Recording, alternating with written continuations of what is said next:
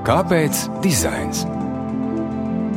No karotes līdz pilsētvidai. Skuja Bradena izstāde Samsāra vēsturē tiks pieminēta arī kā izstāde, kuras atklāšana notika virtuāli, bet ne tikai. Divus mēnešus par to varējām interesēties attālināti dekoratīvās mākslas un dizaina muzeja mājaslapā un sociālo tīklu kontos. Izpratni par izstādi Samsāra veido arī ārkārtīgi emocionālie, ar darbiem saistītie mākslinieču personīgie stāsti. Pārdomās ļauj kavēties arī iespēja izprintēt un pašiem izkrāsot skuja bradena zīmējumus ar piebildi tikai pieaugušajiem. Tomēr tas nav viss. Vairāki no izstādes mākslas darbiem digitalizēti un ir redzami 3D modeļu veidā. Tie apskatāmi muzeja un arī vividlī.com mājaslapās. Atskatoties pavisam nesenā pagātnē, lūk, kāda bija notikumu chronoloģija. Šī gada martā pēc gandrīz divu nedēļu ilgajiem iekārtošanas darbiem muzeja darbinieki un mākslinieci saņēma ziņu, ka valstī izsludināta ārkārtējā situācija. Turpina dekoratīvās mākslas un dizaina muzeja vadītāja Ines Baranovska.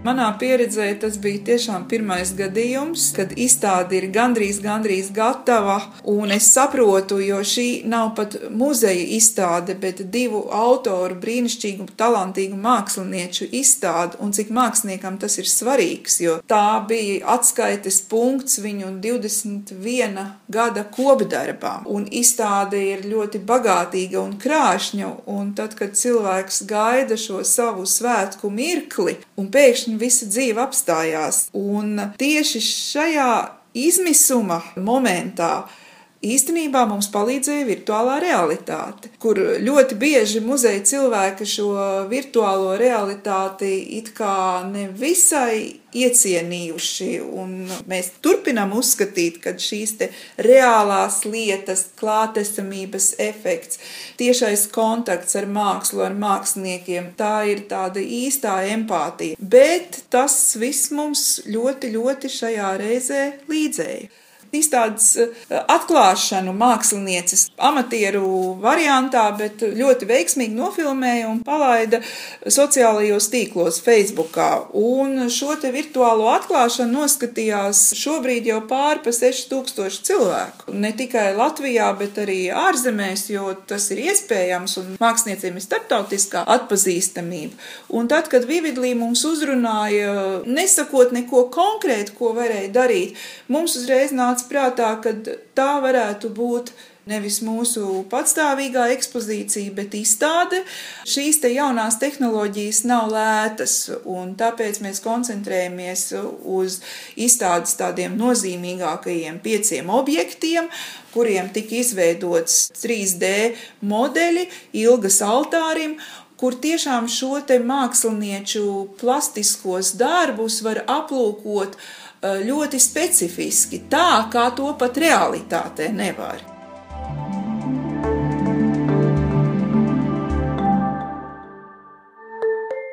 Vividlī dibinātāja Gunita Kuļakovska, kuras uzņēmums ir virtuālās realitātes risinājumu ieviesējis arhitektūras praksē, skaidro savu iesaisti mākslas izstādes digitalizēšanā nu, arhitektūra pati par sevi jau nav tikai vienīgi par materiāliem. Tā ir par telpiskumu izjūtu, par izjūtu. Arhitektūra ir mēdījis, kas komunicē ar cilvēku sajūtām. Ja mēs to tā formulējam, tad eh, šķiet, ka muzejs un māksla arī visciešākajā veidā ir kā komunikācija platforma. Viņi aizskar cilvēku ne tikai vizuāli, bet arī emocionāli. Vismaz tā mums gribētos domāt, ka tas ir arī mērķis izstādēm un nu, mākslas darbiem kopumā. Bet iniciatīva nāca no jūsu puses. Kā jūs tā izlēmāt piedāvāt šādu iespēju?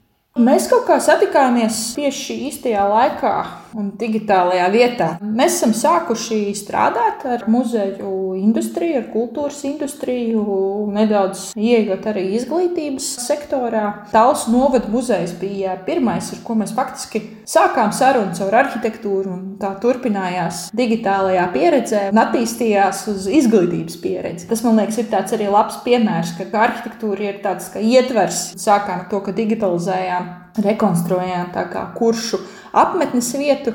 Sapratām, ka tās būtu lieliska sastāvdaļa ekspozīcijai. Un tas mums deva tādu pamatu, ka mēs varam ļoti jēgpilnas un interesantas pieredzes radīt ar to savu arhitektūras perspektīvu. Mēs esam ar vienu kāju arhitektūrā telpā un ar otru kāju šajās tehnoloģijās un digitalizācijā, kas ir diezgan neraksturīgs, nepierasta kombinācija. Tad eh, mums likās, ka mēs varētu palīdzēt muzejiem un kultūras iestādēm šajā ļoti dīvainajā laikā Un tā vietā, lai domātu, ka noteikti ir pienākusi krīze, atvērt iespējas tam, ko varbūt pirms tam mēs neesam sadūšojušies, saņēmušies, kā spērt šo soli. Vai tas ir nu, tāds rets paņēmiens līdz šim brīdim vēl?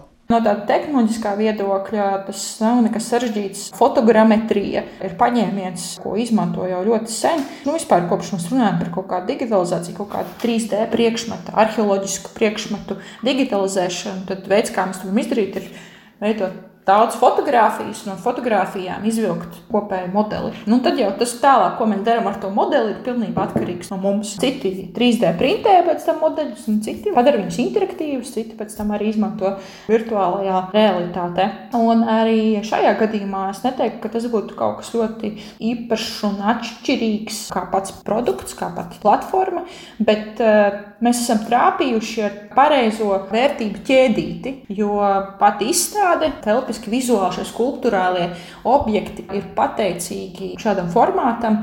Pēc savas būtības, pēc savu noformējumu ir, ir vizuāli tādi iespaidīgi. Es domāju, ne par velti tas raisīja interesi arī apmeklētājos redzēt šo izstādi. Tā kā bija daudz elementu, kas šeit saslēdzās kopā, lai uh, mēs izmantotu konkrētu tehnoloģiju, konkrētam mērķim un sasniegtu tiešām to lietotāju pareizā formā. Jo tikpat labi mēs jau varējām šos pašus modeļus nu, ielikt kaut vai virtuālā realitātē un virtuālās brillēs. Bet eh, nu, šajā brīdī eh, vēl nav tā, ka katram Latvijas iedzīvotājam būtu mājās eh, virtuālās brilles. Tas būtu ļoti avansēti un unikāli. Arī ne MOMA un neviens cits to nebūtu norealizējis, bet tas sasniegtu mazāku auditoriju. Nu, mēs izvēlējāmies šo pareizo mērķi. Mērķis bija pēc iespējas padarīt pieejamāku šo izstādi sabiedrībai. Nu, tad mēs skatījāmies, kas ir šis sabiedrības loceklis. Viņam ir telefons, viņš šobrīd lielu daļu laika pavada tieši pie datora, internetā. Jā, arī mēs redzam, ka arī sociālo tīklu lietojums palielinājās. Tas nozīmē, ka mums ir jābūt šajās vidēs un jābūt pieejamiem šajā vidē. Tad, analizējot to lietotāju stāstu, saprotot, kā to izdarīt, mēs sapratām, beig beigās, kāda tad arī tehnoloģija ir jālieto. Nevis otrādi. Mēs nesākām ar tehnoloģiju. Un īstā izstāde pagadījās arī šai realizācijai. Piemēram, pati skatījos tos uh, 3D modeļus, kas ir no šīs izstādes. Es sapratu, ka es nekad mūžā nevarētu viņus tā apskatīt dzīvē, pieejot klāt, paceļot, paskatoties no vienas puses, pastoties no otras puses. Šis ir teiktu, no pieejamākajiem risinājumiem. Tik vien kā taisīt kvalitīvas fotogrāfijas, kas paņem lielāko daļu laika, apstrāde, kas paņem vēl tikpat daudz laika, un to visu uzsēdināt uz pareizās platformas, kurai ir pareizais lietotāja ietvers, kā mēs viņu lietosim. Ar keramikas un porcelāna darbiem īstenībā ir tā, ka viņi ir uz robežas, jo kas šajā fotografijas tehnikā ir svarīgi, ir kad gaisma absorbējas uz materiālu. Bet keramikā ir rodas šis atspīdums, un tur, kur rodas atspīdumi, tur var rasties modelim pašam beigās kaut kādas kļūdas. Nu, tad ir atkal jāiegulda laiks, lai varētu šīs kļūdas novērst. Nu, kopumā man liekas, interesants punkts, ko tu minēji, tu, tu vari gandrīz tiešām tik tuvu piekļūt šim objektam, ko tiešām praktiski nevarētu izdarīt. Tu nevarētu izbraukt cauri tur acī un iebraukt degunā, ja tam objektam, vai piebraukt viņam tik tuvu, kas manuprāt, arī mm, ir tāds labs vēstījums uz mākslas tā, nu, atvērtību, demokrātiju, tā varētu teikt. Pietuvināt arī,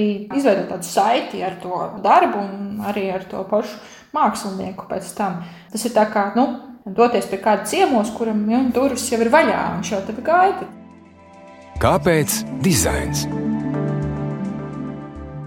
Lai arī lēmums ārkārtējo situāciju pasludināt bija likumsakarīgs, ikvienam tas nozīmēja kaut ko citu.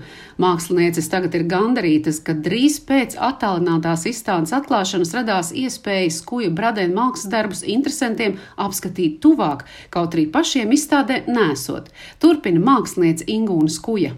Šis pieejams bija pilnīgi no tā kā bonus. Tas tā uzlaboja omu. Cilvēki, kas to skatījās internetā, visi bija nu, priecīgi redzēt kaut ko tādu. Pateicoties tam Covid, mēs tādu izbaudījām. Vispār tas ir tā kā plāksters uz sāpes, tāds riktīgi labs. Šis pieejams ir ļoti vērtīgs tādiem muzejiem un kolekcionāriem kolekcijā, ja tu esi un tev ir tāds darbs ielikts, un muzejs var apskatīt, mākslas vēsturnieki var pētīt un studenti. Īpaši jau tādas darbas, kam tās dažas puses dažādas, daži bija diezgan līdzīgi, bet tur tas bērniņš uz altāra, tas mm -hmm. būtu ļoti interesanti redzēt. Es domāju, ka jā, tas mākslas tirgus kaut kā varētu attīstīties, cilvēki tā varētu arī nebaidīties pirkt redzot to darbu no visām pusēm. Es atceros, ka kādreiz samītas ciltēsiem raidījums mākslas, un bija 96. gads, un man bija atsūtīta darbi no Amerikas. Toreiz es kā students tur mācījos, un bija milzīgas kastes, un tie darbi viņi filmēja. Es tā lēnām grozīju tos darbus, lai viņi varētu apskatīt. Un tagad, redz, nekas nav jāgroza, nu tā ir nākotne. Tas bija 96. un tagad cik gadi pagājuši, lai tā mūsu sapnis tā kā piepildītos. Un jūs arī pēc izstādes atklāšanas teicāt, ka šī izstādes atklāšana ir kļūst par jūsu radošās dzīves lielāko notikumu. Tā bija pirmā izstāde, man liekas, Latvijā, kas tika aizvērta tajā dienā. Mēs vienīgie virtuāli parādījām paši savu variantu amatieriskā līmenī, bet labi sanāca un daudz redzēja. Tā bija pirmā reize, nu, par to mēs arī varam vēsturē ierakstīt pirmā virtuālā atvēršanā.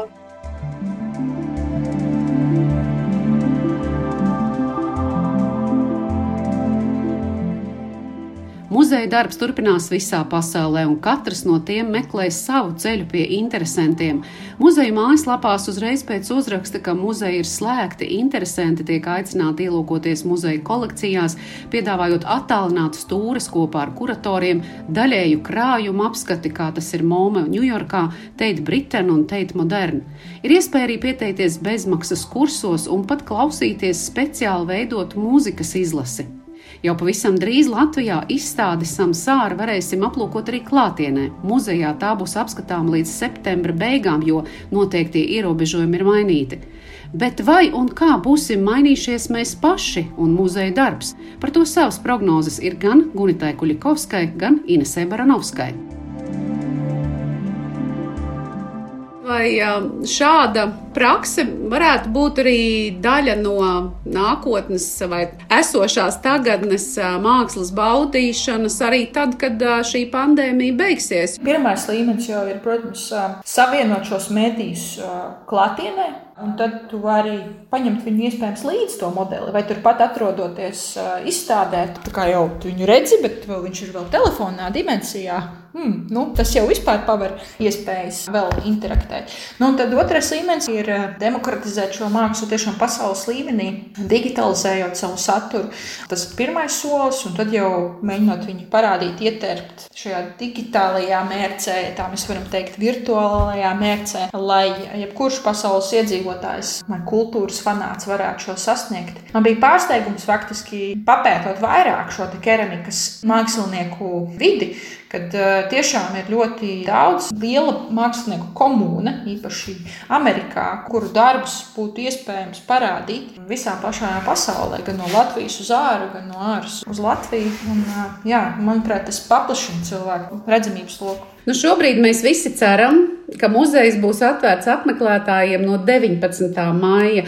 Bet jūsuprāt, vai šis muzeja apmeklējums cilvēkiem būs tāds pats?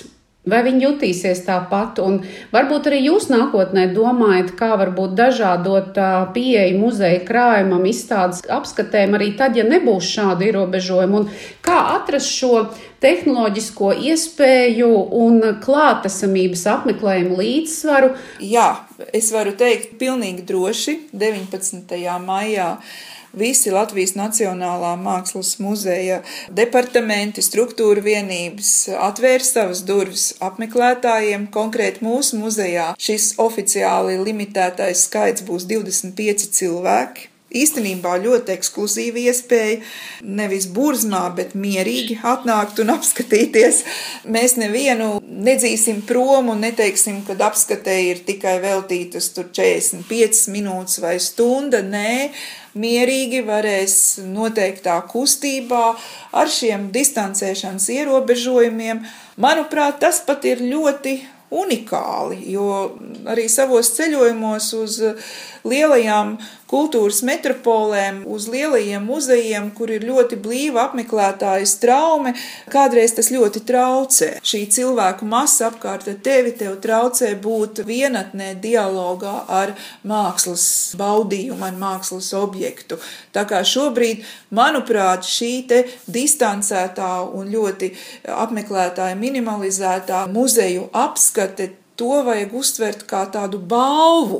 Savukārt mēs arī ļoti gribam muzejā attīstīt šos te citādākus rīkus, kā kontaktēties ar skatītājiem un tiešām izmantot video filmēšanas iespējas un dažādas šīs te tehnoloģijas. Tieši, manuprāt, mūsu sociālajos tīklos un mājaslapā ievietojot eh, video stāstus par izstādēm, intervijas ar māksliniekiem, vairāk izmantot šo te platformu, kas ir ļoti nozīmīgi. Protams, kaut kādu daļu no mūsu kolekcijas, īpaši pa cik mūsu kolekcijā ir daudz trīsdimensionāli priekšmeti, šāda priekšmetu dokumentēšana, vividlī tehnoloģiju tajās iespējās, tas, protams, būtu gan interesanti skatītājiem, attālināti pētīt un domāt, gan varētu būt kā tāda jauna nākotnes mākslas objektu priekšmetu dokumentācijas forma. Ierobežotība kaut kādā veidā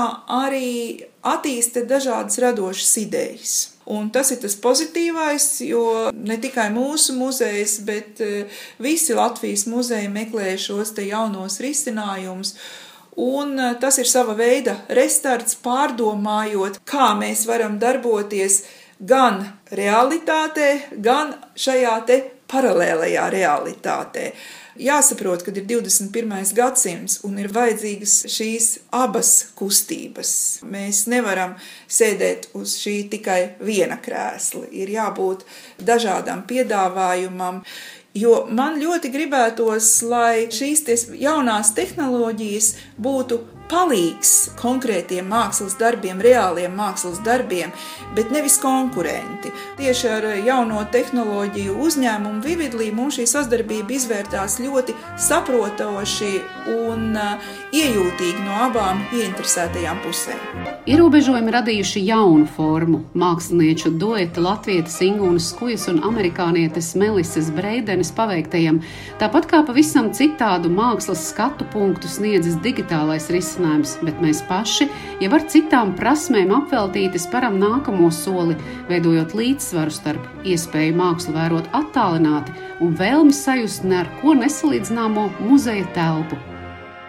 Raidījuma skaņu montēja Judita Bērziņa, jūs uzrunāja Ilze Dobela, raidījuma veidošanu atbalstīs Kultūra Kapitāla fonds, un to varat klausīties arī savā podkāstu aplikācijā. Uz tikšanos raidījumā Kāpēc dizains?